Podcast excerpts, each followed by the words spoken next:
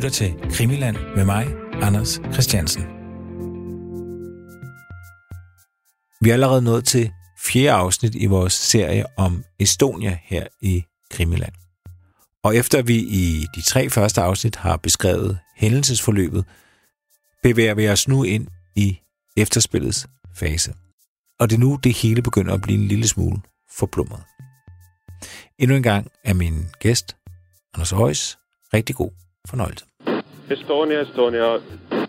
Uh, mayday, mayday. Estonia, Silja Europa. Are you uh, flying, uh, calling Mayday? Estonia, what's going on? Can you reply? Uh, this is Estonia. Uh, uh, En bil och passagerarfärja med 867 personer ombord har sjunkit söder om finska Utö. Den svensk-estniska färjan Estonia var på väg från Tallinn till Stockholm när den vid halv ett-tiden i natt slog runt i det hårda vädret.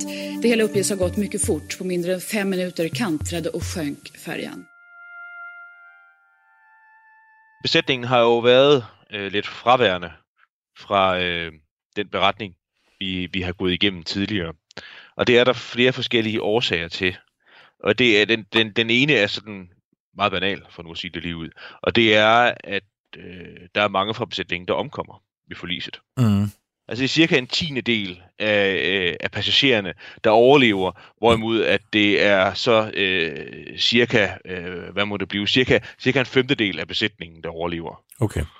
Altså det vil sige, man kan så regne ud, at sådan proportionalitetsforholdet er, at øh, der er dobbelt så stor chance for at overleve, hvis man tilhører besætningen, Mm. som hvis man er passager. Det kan der selvfølgelig være logiske årsager til, altså fordi eller det er der logiske årsager til, fordi besætningen er fortrolig med, med, med skibet, og hvordan skibet er, er opbygget, og de er frem for alt så er de jo fortrolige med at befinde sig til søs. Mm. Men, og her kommer pointen, det er, at øh, der, de, dem, der havde, om man så må sige, myndighed ombord, øh, kaptajnen og første styrmanden, og også nogle af de øvrige styrmænd i øvrigt, der var flere styrmænd ombord, de omkommer simpelthen ved forliset. Så dem, der har øh, haft til opgave sådan at have det store overblik ombord på Estonia, de øh, besætningsmedlemmer, de omkommer. Men der er selvfølgelig nogle meget væsentlige øh, medlemmer af besætningen, der så senere bliver til væsentlige vidner, der overlever. Og det drejer sig primært om øh, den vagthavende matros, som øh, altså de, de gik de, de matros, de gik sådan nogle runderinger ombord efter tidsskema. Og da den vagthavende matros gik jo selvfølgelig runderinger på Estonia i øh, tiden umiddelbart op til slagsiden af forliset. Og han overlevede Mm. og øh, kunne selvfølgelig øh, fortælle noget om dels, hvad han havde jagtet, men dels også, hvad han var blevet sat til. Blandt andet er det ret interessant, at han øh, ikke så lang tid før slagsiden opstår, øh, bliver han sat ned for, øh, for at inspicere. Øh, og nu bliver det lidt latrinært, men der er simpelthen der er ikke, øh, der er ikke øh, tryk på toiletterne i Estonia. Altså det vil sige, man kan ikke skylle ud. Mm.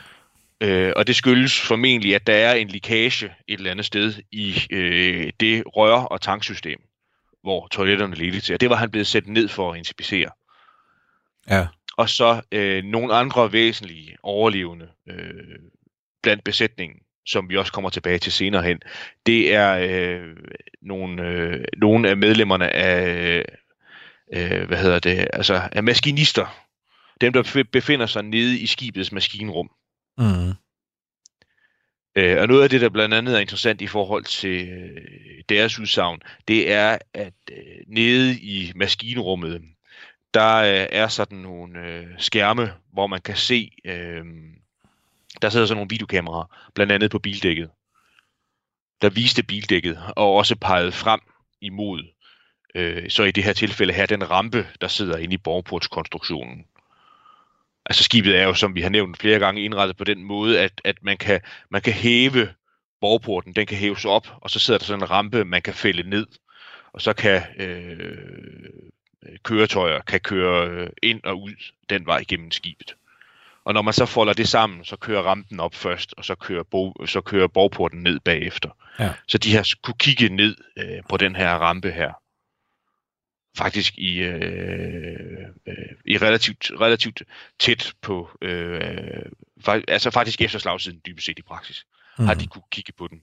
Og de overlever ved, at der er sådan en, øh, hvad skal vi kalde sådan en, en, en flugtrute, øh, sådan et, et system af, øh, af lighter, altså sådan nogle stiger og gange, hvor man kunne kravle ud fra maskinrummet, og så kravle ud, og så faktisk komme, op, komme ud op på det øverste dæk. Mm. Og de overlevede, og deres udsagn kan vi jo altid vende tilbage til. Men, men det er mere bare for, så får vi klarlagt de relevante aktører i besætningen. Mm. Altså det har ikke været sådan efterfølgende, så, øh, så for eksempel en af de øh, en af de personer, der var på Estonias kommandobro, overlevede og kunne afgive sit vidnesmål efterfølgende. Mm. Man har måttet forlade sig øh, selvfølgelig på, på nogle andre besætningsmedlemmer, end, end dem jeg lige har nævnt, men primært dem.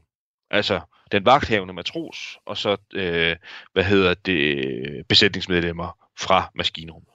Ja. Hvad ved man egentlig om, øh, om kaptajnens sidste stund? Øh, det ved man ikke så meget om, øh, hvad, hvad, hvad der blev af ham. Øh, man ved, at de, øh, de Mayday, de radiosignaler, der bliver sendt ud øh, fra øh, kommandobroen, formentlig skal det jo siges. Man ved jo ikke, om de er sendt ud fra kommandobroen, eller om de er sendt hjem, sendt ud ved hjælp af en øh, sådan en, der var også bærbare øh, sådan radiosender ombord, folk gik rundt med. Men man må gå ud fra, at de er sendt fra radiorummet, som lå øh, på, på kommandobroen, som jo er sådan, altså en, en, en, en konstruktion, der er allerøverst på skibet. Øhm, men man ved faktisk ikke, øh, hvad, hvad der er blevet af kaptajnen. Det eneste, man ved, det er, at det er ikke ham, det er ikke hans stemme, man kan høre, når der bliver sendt nødsignaler ud. Mm. Det er en af styrmændene. Okay. Øhm, og øh, han er heller ikke blevet identificeret med sikkerhed blandt øh, de omkomne. Altså, der har været dykkere nede efterfølgende, det kan vi vende tilbage til, og de har også undersøgt kommandobroen. Men der har man ikke øh, kunnet identificere et af de lig, han fandt på kommandobroen som værende kaptajn. Mm. Så er der vel også nogle procedurer, som de der øh, besætningsmedlemmer, de skal sætte i værk. Hvordan forløber det i forhold til det, det som altså er planlagt? Øh, det forløber på den måde, at det forløber overhovedet ikke. Øh, altså, hvis vi skal begynde med det, vi ved, som øh, medlemmer af besætningen gjorde, så øh, bliver der sendt en sådan en kortfattet brandalarm, faktisk et brandalarm, ud over øh, det interne varslingssystem. Og det er man ret sikker på, at øh, det faktisk er en, øh, altså, det er en kvindelig stemme, og det er en kvinde, der befandt sig i øh, sådan en øh, et, et, et, ikke, ikke et af de øverste dæk, men sådan et af, af dækkene midt i skibet. Øh, og, og den alarm sender hun ud øh, i forbindelse med, at øh, de første passagerer begynder at komme op nede fra skibet. Mm. Hun sender sådan kort, kortfaldet, kortfaldet, den lyder noget i retning af, at det er på estisk, hun sender den ud. Øh, alarm, alarm, der er alarm ombord på skibet. Og den, den, den, den kode, der så bliver sendt ud over øh, besætningens, øh, sådan, øh, de har sådan en intern varslingsanlæg, det er faktisk også en brandalarm. Det er sådan noget kode, altså det er sådan noget kode, de sender ud for, at besætningen ikke nødvendigvis skal blive urolig. Det, ja. bliver sendt, det er sådan, at der bliver sendt ud, Mr. Skylight to deck number, et eller andet, bliver der sendt ud. Og den har faktisk samme kode, som øh, ved man efterfølgende, som den, der skal anvendes, hvis der er brand ombord. Okay. Men der er så simpelthen ikke mulighed for, som vi også har været inde på i de tidligere afsnit, der er overhovedet ikke mulighed for eller tid til at iværksætte en organiseret redningsindsats. Øh, fordi øh, den her voldsomme slagside, tiltagende slagside, den, den vender op og ned på alting. Mm. Altså, du kan ikke, du kan ikke øh, varsle passagererne øh, du kan ikke, øh, skibet ligger på en måde, så det ikke er muligt at begynde at, øh, at, at fire redningsbåde ned. Der er ikke mulighed for at mobilisere passagererne. Altså, passagererne har jo i deres gehytter, så har de sådan en, en vejledning til, hvad de skal gøre, hvis der er alarm ombord på skibet. Så har de et eller andet punkt, hvor passagererne skal løbe hen til og, og, og møde, øh, mødes, og så står der et besætningsmedlem der, der har ansvaret for redningen af de passagerer, der kommer frem dertil. Og alt det er der overhovedet ikke mulighed for at gennemføre. Mm fordi forliset sker på den måde, som det gør. Mm.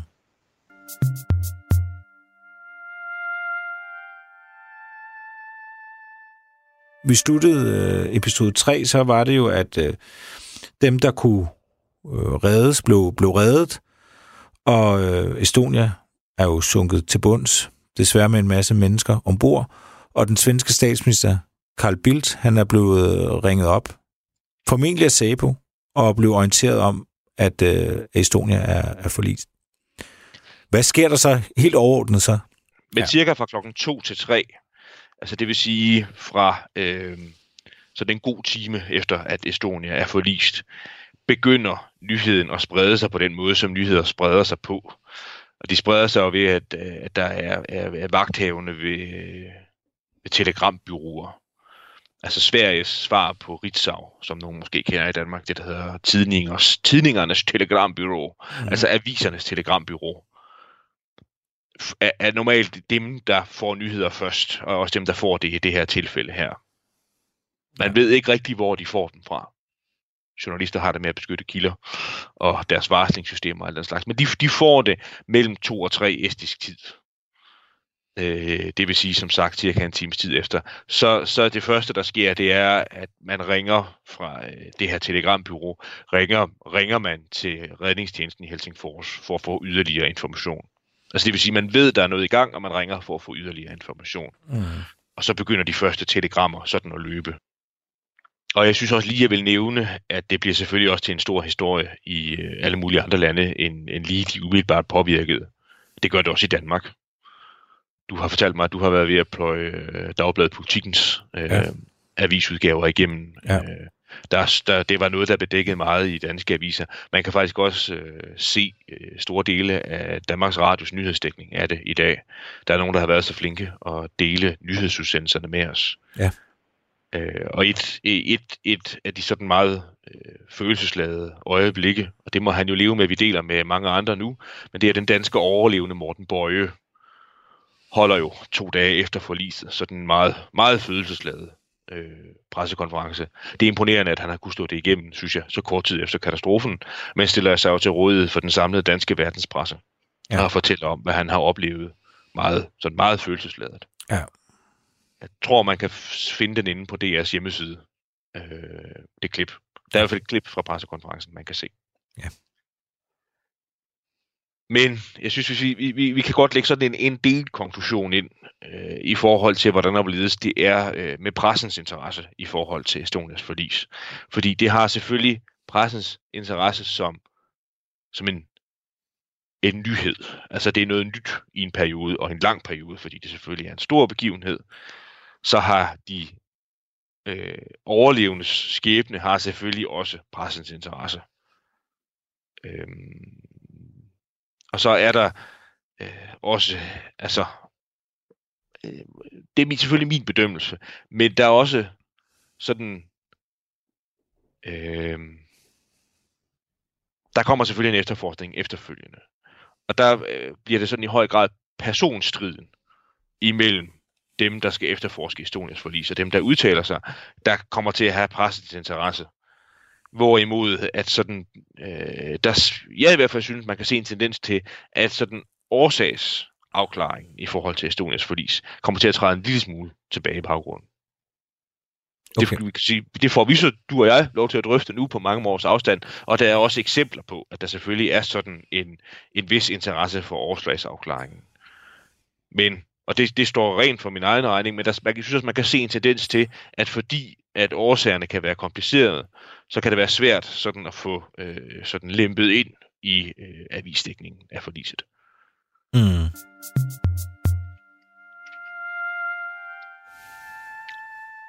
Og så var vi kort inde på, at der også er øh, øh, sådan det politiske niveau, sådan øh, for, for også øh, beskeden om, at det er sket. Vi var inde på, at øh, Sveriges afgående statsminister, Carl Bildt, og han er afgående, fordi der har været valg i Sverige i øh, september 1994.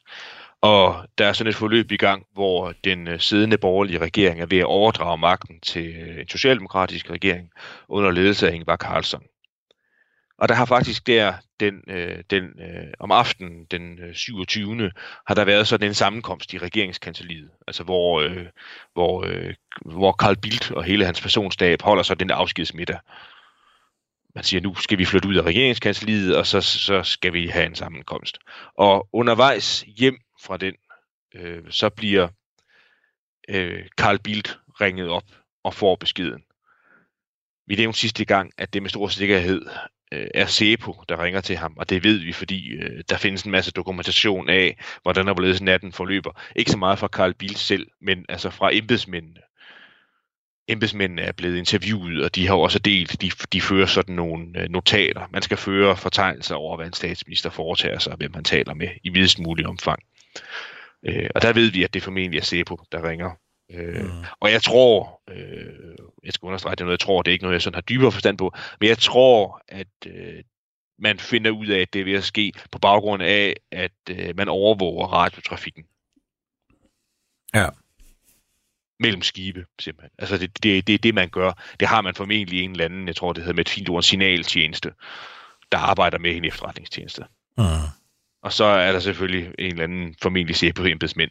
Embedsmand, der godt kan regne ud, at hvis man taler om, at øh, en færge øh, øh, med stor sikkerhed er forlist i Østersøen, mm. så øh, skal der tilgå besked til statsministeren med det samme. Så det synes jeg egentlig, altså det er som sådan det er ikke specielt kontroversielt, Nej. at det sker. Nej. Øh, øh,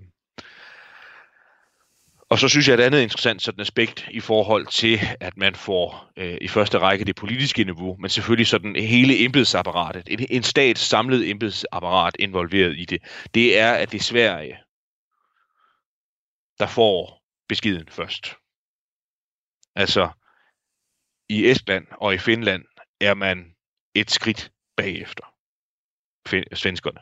Altså mm. svenskerne får øh, vi skal sige det sådan lige ud, de får sådan et, et, på alle måder, så får de sådan et forspring i forhold til viden om og planlægning af, hvad der skal ske, øh, som følge af, at Estonia forliser. Ja. Altså det bliver selvfølgelig sådan, så, så folk i Finland og Estland bliver orienteret af Carl Bildt. I løbet af natten. Der sker det, at øh, de tre landes statsminister, de mødes i Åbo i Finland ved middagstid. Det er den 28. september. Altså den dag, den dag hvor Estonia er forlist, mødes de til drøftelser, og også til en pressekonference. Men det, det er i sidste ende, så, eller i første ende, om man så må sige, så er det et svensk initiativ. Altså det er svenskerne, der kommunikerer, og svenskerne, der foreslår, at det skal foregå. Og det gør de så. Ja. De mødes, øh, de tre statsminister i Åbo i Finland, og afholder som nævnt drøftelser om, hvad der skal ske. Noget af de, de bestemmer sig for, som er, øh, er væsentligt, også sådan for vores videre udsendelsesrække, det er, at de nedsætter sådan en fælles havarikommission, hvor alle tre landes øh, øh, embedsmænd skal være repræsenteret. JIKE, JIKE, man kan kalde det forskellige ting. Uh, Joint Accident Investigation Committee, tror jeg det står for, eller Commission står det nok for. Men altså JAIC, den fælles øh, havarikommission, mm. tror jeg måske, vi skal kalde den, mm. bliver nedsat øh,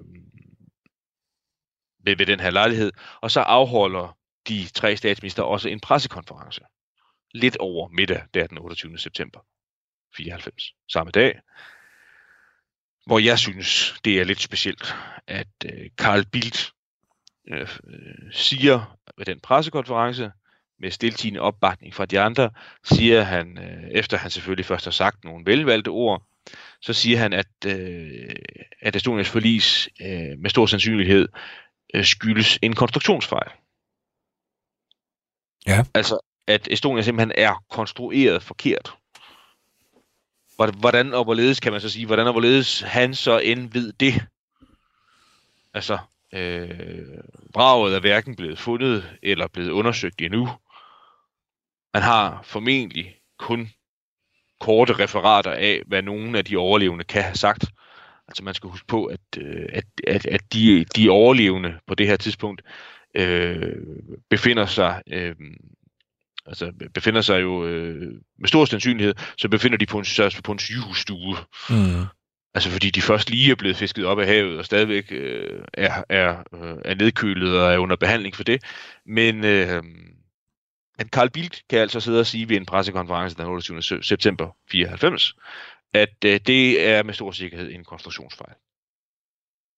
Og hvor ved en statsminister så det fra? Ja, det er et godt spørgsmål. Ja, det må man sige. Det er et godt spørgsmål.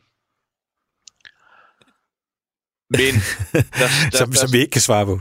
det kan vi ikke, det kan vi ikke svare på, Nej. øh, hvor han ved det fra. Det kan selvfølgelig også være, så skal vi skynde os at sige, vi skal jo have forbehold for vores egne påstand. Det kan selvfølgelig også være, at han har ret. Mm. Altså, Carl Bildt var, var ikke var, var, var sådan i en vis, vis forstand sådan skibs, sådan skibsfartssagkyndig. Han havde en længere periode i 70'erne været, været ansat, før han kom i rigsdagen. Han kommer i rigsdagen i 79, tror jeg, for Moderaterne, altså Sveriges konservative folkeparti, dybest set. Men han har været sådan, hvad hedder sådan noget, øh, øh, sagkyndig, øh, sådan en mappebærer for direktøren ved, ved, ved, ved, ved, et stort svensk rederi i 70'erne. Mm. Og han vidste noget om det. Ja. Men altså, han var jo ikke sådan, øh, hvad hedder sådan noget, skibsfartsingeniør eller skibskonstruktør eller noget som helst. Nej.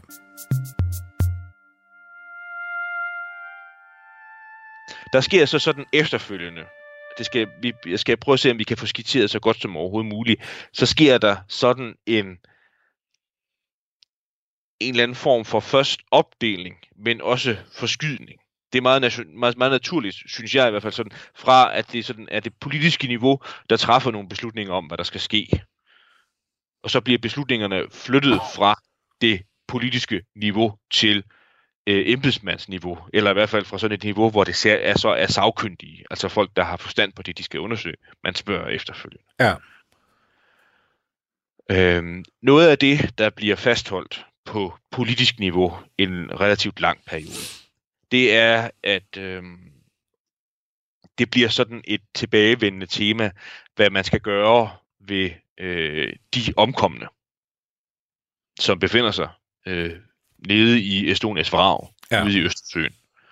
Altså, der er jo øh, mange overlevende, der har mistet deres kære på den allermest frygtelige vis, man overhovedet kan tænke sig. Men øh, de har jo mistet deres kære og vil... Øh, den, den sådan, sådan spontane reaktion, det vil også være min spontane reaktion, kan jeg sige, det er, at de vil have deres kære ud af havet Ja. og hjem og i en kiste og på en kirkegård. Ja. Det, det her, det er sådan en meget, meget øh, vigtig, sådan umiddelbar, instinktiv reaktion, hvad man mener i forhold til det. Det ville også have været min instinktiv reaktion, og det var mange overlevendes instinktiv reaktion. Så det, man kommer til at overveje, det er, hvad gør vi med de omkomne? Skal vi iværksætte en eller anden form for operation, så vi får de omkomne op? Mm. Eller skal vi måske endda iværksætte en operation, hvor vi ikke bare får de omkomne op, men hvor vi også får hele vraget op? Mm. Altså det vil sige, at man skal simpelthen bjerge vraget. Ja. Og der er, sy- synes jeg, meget kort, fordi det er en relativt kompleks problemstilling, men der er alligevel en meget kort konklusion. Fordi hvis vi tager den afgående statsminister, Carl Bildt, og det signal, han sender i den forbindelse, efter at have, råds, sådan, efter at have rådslagning med sine embedsmænd, det er, at man skal gøre alt, hvad man kan, for at få de omkomne op. Hvorimod at Ingvar Carlsson, der jo er tiltrædende statsminister, Mm. siger i et tidligt stadium ved en pressekonference, at han mener, man skal gøre, nu skal jeg prøve at citere så ordret som overhovedet muligt, han siger, man skal gøre sig så store anstrengelser som muligt for at bjerge hele vraget. Også selvom, at det bliver meget, meget dyrt og kompliceret, så skal man bjerge hele vraget. Men hele den her bjergningsdiskussion, som vi måske også kan vende tilbage til, alt afhængig af, hvor længe vi skal beskæftige os med Estonia og Estonias forlis, det er, at den bliver forankret i et politisk styret niveau relativt længe. Mm. Og det bliver i sidste instans, så bliver det faktisk øh, også i høj grad en svensk afgørelse. Man ved ikke rigtig hvorfor. Et medvirkende årsag kan selvfølgelig være, at, at Sverige har øh, en lille smule over halvdelen af alle de omkomne er svenskere. Så det er jo langt, langt de fleste af dem, der omkommer, det er svenskere. Men der omkommer jo også mange fra mange andre lande. Ja. En dansker, dansker for eksempel. Ja. Men det bliver en svensk afgørelse, hvad man skal gøre i den forbindelse. Og det får man øh, efter relativt lange overvejelser, så man, får man det forankret i det, man kalder et etisk råd, der bliver nedsat efter samråd mellem, mellem øh, den svenske rigsdag, den svenske regering, og så svenske søfartsmyndigheder. Mm. Og, og det, det, det er, er så det minder om det etiske råd, der er i Danmark, sådan generelt. Altså de mennesker, man så at sige, putter ind i det her etiske råd. Altså der er repræsentanter fra Sverige, har en, øh, altså, øh, en folkekirke på det her tidspunkt her.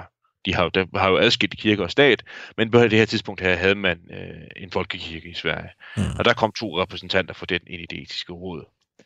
Og så kom der øh, ja, sådan forskellige andre. Det er ikke nedsættende, når jeg kalder dem for sådan pinger, altså kulturpinger, forhenværende politikere og alt den slags. Men folk, folk, der er erfarne med at træffe afgørelser, kan man også bare kalde det generelt. Ja. Og så skal de så bistås af, af, af kyndige folk fra den svenske. Det hedder Søfartsværket i Sverige. Men hvis vi kan kalde dem for Søfartsstyrelsen, sådan på dansk. Ja. Og, og, og hvis, hvis vi skal i første omgang skal, skal, skal sådan fokusere på, hvad det er, de beslutter sig for, så beslutter de sig for i december 94, det vil sige tre måneder efter forliset, at øh, Estonia og alle de omkomne, altså vraget og alle de omkomne, skal blive på havets bund. Nå. Og hvad er argumentet for det? Der er øh, en, øh, en del argumenter for, at de når frem til den beslutning. Øhm, jeg synes, vi skal, give, vi, skal, vi, skal, øh, vi, skal, vi skal ikke sådan på forhånd være mistænksomt indrettet, fordi de har blandt andet et, synes jeg, ret godt argument. Og det er, at man er nervøs for, hvis man sætter sådan en operation i gang. Hvad enten det gælder at bjerge kun omkommende eller hele vraget. Det er, at hvis man ikke kan bjerge alle omkomne, altså hvis man ikke finder alle de omkomne, når man sætter operationen i gang, hvilke konsekvenser får det så? Lad os sige, at man, man sætter øh, processen i gang, og så viser det sig, at man finder 300 ud af de øh, omkomne. Mm. Hvad så med alle dem, der ikke får deres omkomne hjem? Alle deres kære hjem, er det mere korrekt at kalde det. Mm. Så er der nogen, der øh, er så øh, heldige, så de får øh, en grav, de kan gå til, fordi det er det, det drejer sig om ja. i sidste instans. For de overlevende, det drejer sig om at have øh, det, de fleste er fortrolige med, når de har mistet nogle af deres kære, det er, at de skal have en sten på en kirkegård at gå til. Og det er der så i det tilfælde nogen, der kan få, og det er der så ikke andre, der kan få. Og vil mm. man så få sådan en lang kontinuerlig strid om, at myndighederne ikke har gjort nok. Mm. Og vil også udsætte nogen for en form for dobbeltsorg. Ja. Fuldstændig rigtigt. Der er også nogle andre argumenter. Det, man, man overvejer, det er, øh, om, øh, om det vil få... Hvis man for eksempel beslutter sig for at... Øh, nej, det er sådan set ligegyldigt, om det, om, det, om, det, om det kun er de omkomne, eller også vraget. Det er, at det vil få nogle meget, meget store psykologiske konsekvenser for, for dem, der skal udføre arbejdet. Ja. Altså, Øh, hvis, hvis, hvis, hvis vi for eksempel forestiller os, at man skulle, at man besluttede sig for, at man skulle bjerge alle de omkomne, alle de lige, man kunne finde nede ved og i øh, Estonias vrag. Altså det var der jo rent fysisk nogen, der skulle gøre. Ja. Altså der var nogen, der skulle, og Estonia ligger jo på en, på en havdybde, hvor øh, sådan nogle svømmedykker, frømænd, man kan kalde dem mange ting. Folk, folk med sådan nogenlunde almindelig dykkerudstyr, det kan de iklæde sig og dykke ned. Men der var så nogen, der rent fysisk skulle dykke ned og tage fat i alle de her lige her, og anbringe dem et sted, hvor man så kunne få dem op fra havets bund. Ja. Hvor langt, hvor langt ned under vandet ligger Estonia egentlig? Øh, sådan afrundet cirka 75 meter. Mm. Estonia ligger ikke, ikke helt stabilt øh, altså, øh, hvad hedder det, me- mellem 74 og 85 meter. Altså, det vil sige 75 meter. Okay. Sådan afrundet. Og det, det er dybt. Det er også dybt for, altså det, du kan ikke øh, sådan, hvis du er medlem af en dykkerklub for eksempel, de, de kan ikke sejle ud i, øh, i en jolle øh, og hoppe i havet og dykke mm. derned. Mm. Altså du skal have noget specielt udstyr. Mm. men mennesker frem for alt. Altså det er, øh, mennesker kan godt dykke rundt nede ved Estonias vrag, okay. hvis de har det rette udstyr. Okay. Men de ville så skulle, øh, om man så må sige, have, have fat i alle linje. Altså, jeg, jeg, jeg kan ikke engang forestille mig, hvordan man skulle gøre det. Altså, øh, men, men det kan man jo i øvrigt nok godt gøre. Men, men altså, de skulle jo så bjerges ud af vraget og hæves op fra vraget og være ombord på et, på et skib, der her har forudsætningerne for, at, øh, at, at line så i øvrigt jo ikke skulle, hvad hedder det, tage yderligere skade. Altså, de kunne så køles ned, og så, så ja, alle sådan nogle ting. Det vil være en kolossal logistisk operation med meget store psykologiske påvirkninger for dem, der vil blandet ind i det. Ja. Dy- dykker mandskab ombord, men jo også, hvad hedder det, i forbindelse med identifikationen. Altså, Ja. hvad hvis man ikke kunne identificere et lig, for eksempel? Ja. Jeg, jeg synes, hvis, hvis, hvis, hvis, hvis vi lige skal vende det her etiske råd her yderligere, så synes jeg så alligevel, der er nogle omstændigheder, der er en lille smule besynderlige i den måde, det her etiske råd arbejder på. Fordi selvom man havde, og det kan vi vende tilbage til senere, selvom man havde optagelser af, hvordan og hvorledes der så ud nede ved Estonias frag, og hvordan og hvorledes, altså i hvilken stand ligene var i, om man så må sige. Selvom man havde optagelser af det, så var det ikke sådan, at dem, der sad i det etiske råd, de fik lejlighed til at sidde og se på de faktiske forhold i det hele taget, og træffe en afgørelse ud fra det. Der er en del, der tyder på, at øh, det her etiske råd var underlagt en styret proces. Altså, de arbejdede måske ikke så frit, som man skulle tro. Mm. I forhold til at træffe afgørelsen. Altså, der var ikke nogen, der så de her optagelser af, hvordan det til så ud. Man så nogle andre optagelser til gengæld så, øh, og der synes jeg, det hører med til historien, at man så nogle optagelser af, hvor det var gået galt. En, øh, en del år før, jeg tror det var i 81, der er måske nogen, der kan huske det oven købet blandt lytterne, der øh, kuldsejlede der sådan en øh, norsk øh, boreplatform. Alexander Sjælland. Mm. Øh, og den, der, der øh, bjergede man alle line fra den. Man bjergede faktisk også af platformen. Og det gav nogle, øh, det gik ikke så godt. Det gav nogle meget, meget ubehagelige billeder af, hvordan der hvorledes, at når man bjergede sådan en boreplatform, hvor der lå lige ombord, så i forbindelse med sådan en bjergningsproces, så øh, tog det meget hårdt, for nu at sige det lige ud på line. Altså line blev medtaget af, at man bjergede Alexander Sjælland. Ja. Øh, og det, det, det, det ved man for eksempel, at det, det så medlemmerne af det etiske råd, det så de billeder af. De, for nu at sige det lige ud, så så de billeder af nogle andre ubehagelige katastrofer. Ja. Men de så ikke optagelser af øh, Estonias vrag, og hvordan der hvorledes de er omkomne nede på bunden af Østersøen så ud. Men der var optagelser. Det var der. Der var optagelser, de kunne have set.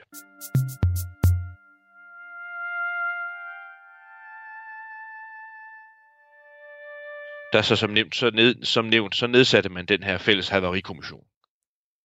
De tre stater, de udpegede øh, nogle folk til at sidde i kommissionen, og den kommission fik nogle øh, sagkyndige stillet til rådighed.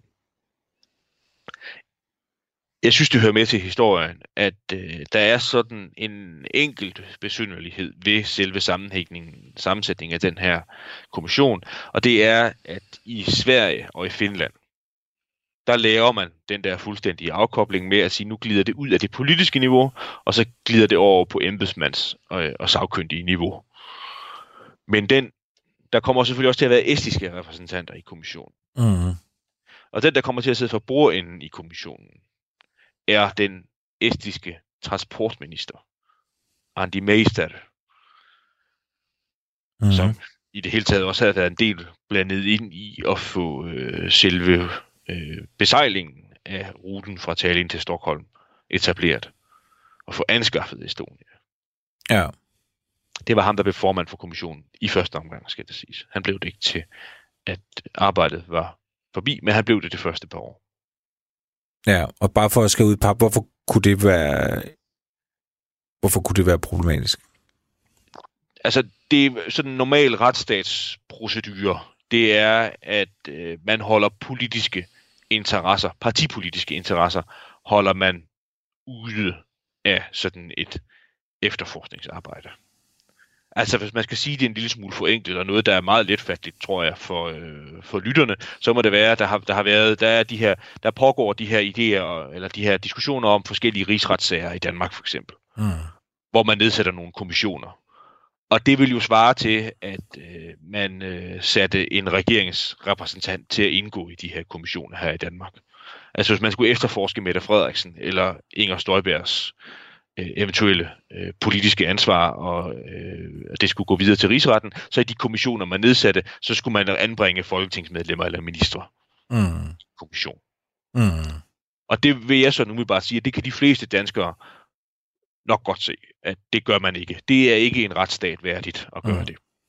Men det valgte man så at gøre i Estland, og det var jo Estlands eget valg, kan man sige. Det, det forekommer umiddelbart besynderligt. Altså hans, hans sådan højre hånd, det bliver rædderiets tekniske chef, for eksempel. Mm.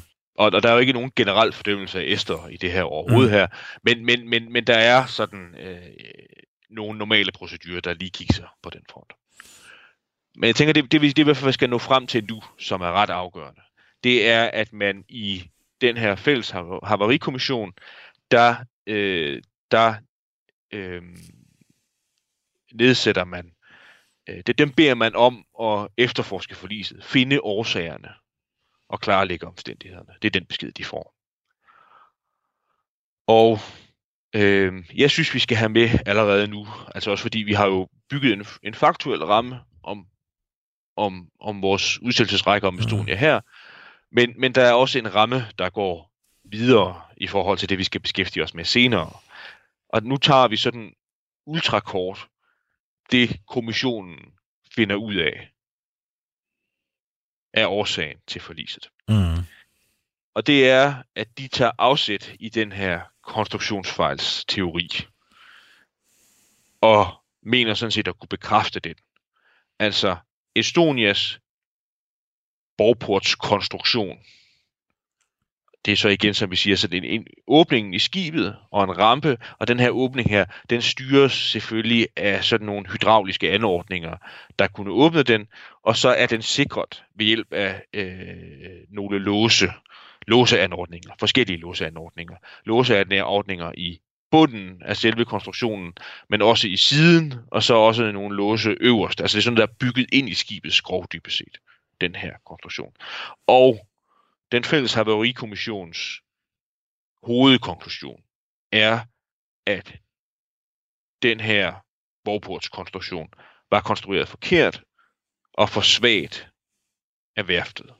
Altså den kunne ikke modstå den næste faktor, der kom i spil efter konstruktionsfejlen, og det er vejret. Altså den var ikke konstrueret til at modstå det tryk fra bølgerne, som Estonia blev udsat for, da den sejlede. Det vil sige, at bølgerne tvang borgporten og ramten op, så der kom en åbning i Estonias, hvad skal vi kalde det, front, mm. stæv. Der findes mange begreber for det. Og så i og med, at den åbning blev tvunget op, så trængte der havvand ind på Estonias bildæk, og så forliste Estonia. Mm. Det er sådan den ultrakorte udgave af den fælles havarikommissions konklusion. Ja. Som er sådan, med et fint ord kan man kalde det for sådan en serie af monokausalitet. Altså det, at et, en årsagssammenhæng har en forklaring. Ja. Konstruktion, vejr, bølger, tryk, åbning, vand, forlis. Og det, der så opstod efterfølgende, den samtale, eller diskussion, man kan kalde det mange ting, det, det er, om den forklaring her er nok, eller om der findes supplere yderligere årsager til, at Estonia forliste.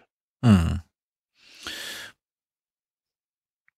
Hvornår, øh, hvornår fremlægger de den øh, konklusion? Øhm, det gør de sådan set i to tempi. Altså de frem, fremlægger en, øh, en delrapport øh, så vidt jeg husker, lidt senere i 94, eller i hvert fald i 95. Mm. Og så øh, fremlægger de hele deres kommissionsbetænkning i 1997. Men det med den her borgport, øh, der skulle være, være utæt. Altså nu sidder jeg og kigger, som du nævnte, så sidder jeg og kigger i, i politikken, øh, første dækning af det, Dagbladet Politikken, og de er jo, det er jo så den 29. september 94, at de har, øh, der har de så også en lang række artikler. Og der er bare øh, blandt andet en illustration, og der står allerede her, en utæt borgport menes at være årsagen til forliset. Det er ret hurtigt, at det, altså, at det er det, man sådan, er den, det er den fortælling, man, man, man får, ikke? Ja, og, øh, og jeg, jeg har jo også oplevet, det har du måske også oplevet, at, at hvis man taler med nogen, der kan huske, da Estonia forliste, Ja. så er det tankevækkende, hvor meget det her begreb borgport, det var noget med borgporten. Mm. Det har sådan med et fint ord internaliseret sig hos folk. Ja. Altså, det har man taget til sig og, og forstået. Og jeg ved ikke, hvis man skal, det, det, det kan man have mange meninger om, men det er i hvert fald en forklaring, som har kunnet har, har, har sådan kunnet øh, indlejre sig hos folk. Ja. Men hvis, hvis politikken skriver det, det er den 29. Det er jo, det er, er jo dagen efter, Ja. at, øh, at alt det her, du refererede vi, hvad der skete i pressekonference den 28. september. Det er så dagen efter, det fremgår i en dansk avis. Ja, men der ved presse, altså udover, du, du siger jo, at Carl Bildt, altså når man siger en utæt borgport, er det, er det den samme forklaring som Carl Bildts øh, konstruktionsfejl? Det, det er det faktisk, fordi det er, det kommer allerede sådan op, øh, opfølgende i løbet af den 28. september 94. Mm. Altså, at det er det, man mistænker. Det er det, det, er det man er bange for. Altså, der er, der er også sådan en, en mindre kontroversiel baggrund. Og det er, at, øh, at man har godt vidst, at øh, skibe, der var konstrueret på den måde, som Estonia var, altså det hedder, øh, med sådan en teknisk term, så hedder det jo roll-on, roll-off færger. Altså færger, hvor man i det hele taget kunne foretage de her åbninger ind til bildæk. Øh, det var der jo ikke, ikke sådan nødvendigvis den bedste historie med.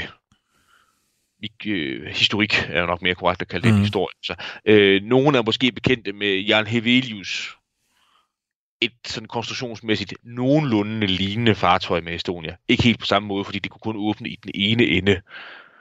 Det, det var forlist i 1993. Nogle Mm. kan måske også huske Herald of Free Enterprise. En sådan igen nogenlunde konstruktionsmæssigt lignende færge, men som også havde øh, de her tekniske anordninger, hvor man kunne åbne en port i skibet, så køretøjet kunne køre ombord. Den forliste jo midt i 80'erne. Mm. Så det har ikke været helt ubegrundet. Man har antaget, at det kunne hænge sammen med den her, sådan her særlige konstruktionsform. Mm. Altså, man gik relativt hurtigt fra generel konstruktionsfejl til at mistænke de her åbninger til bildæk. Ja. Men det er væsentligt at understrege, synes jeg, både i relation til, til pressedækningen, sådan Carl Bildts øh, pressekonference, men også det, der har stået i Dagbladet Politikken for eksempel. Be, begge dele har stået der på et tidspunkt, hvor at Estonias vrag hverken var lokaliseret eller undersøgt.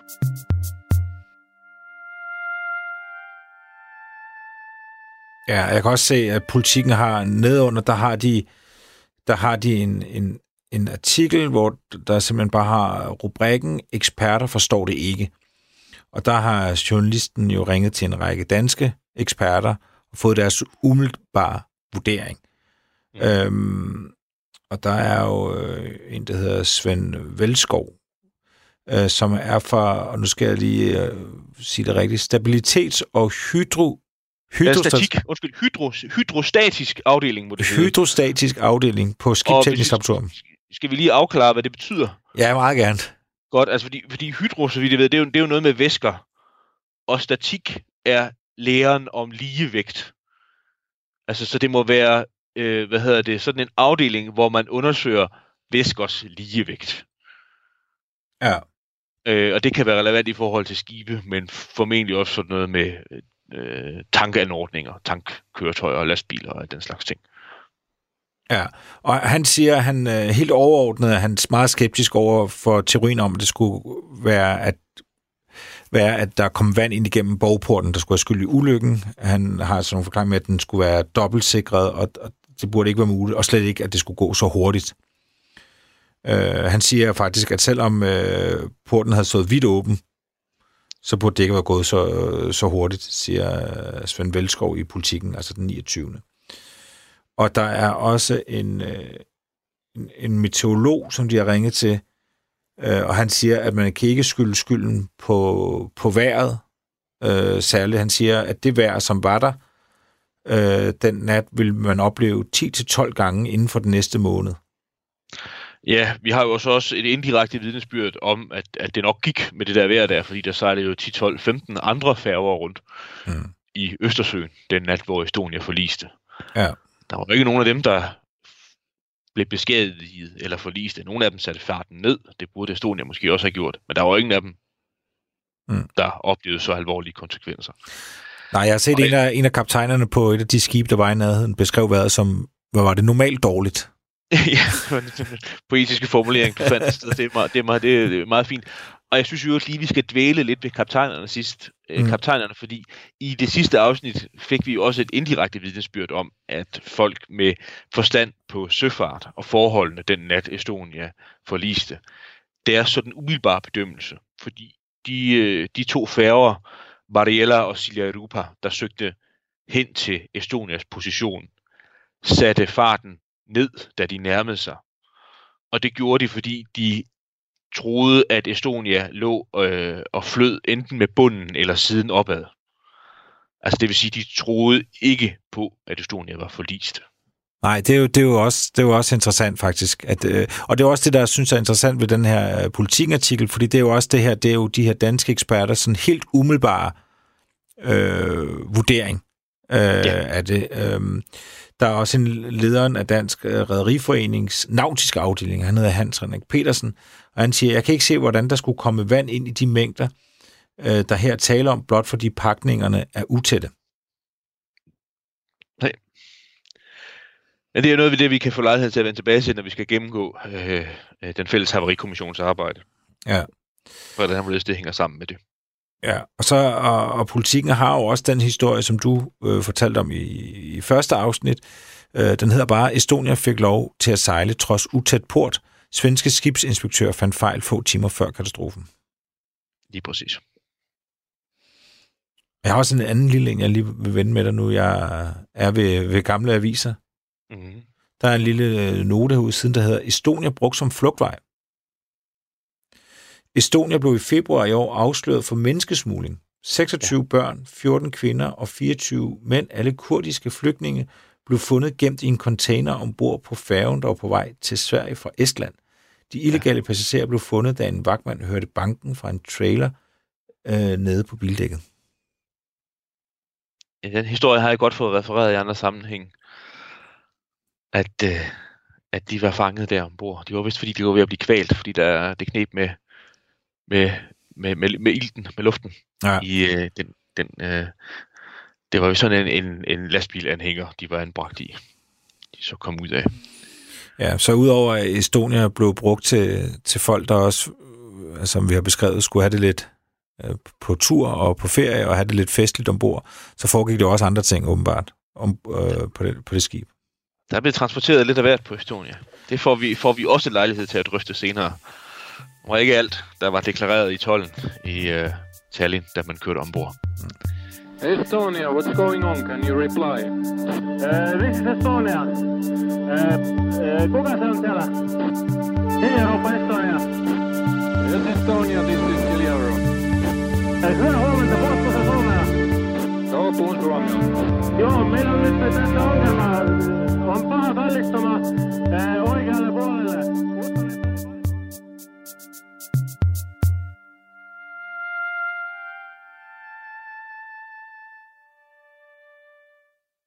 Programmet er produceret af Wingman Media for Radio 4.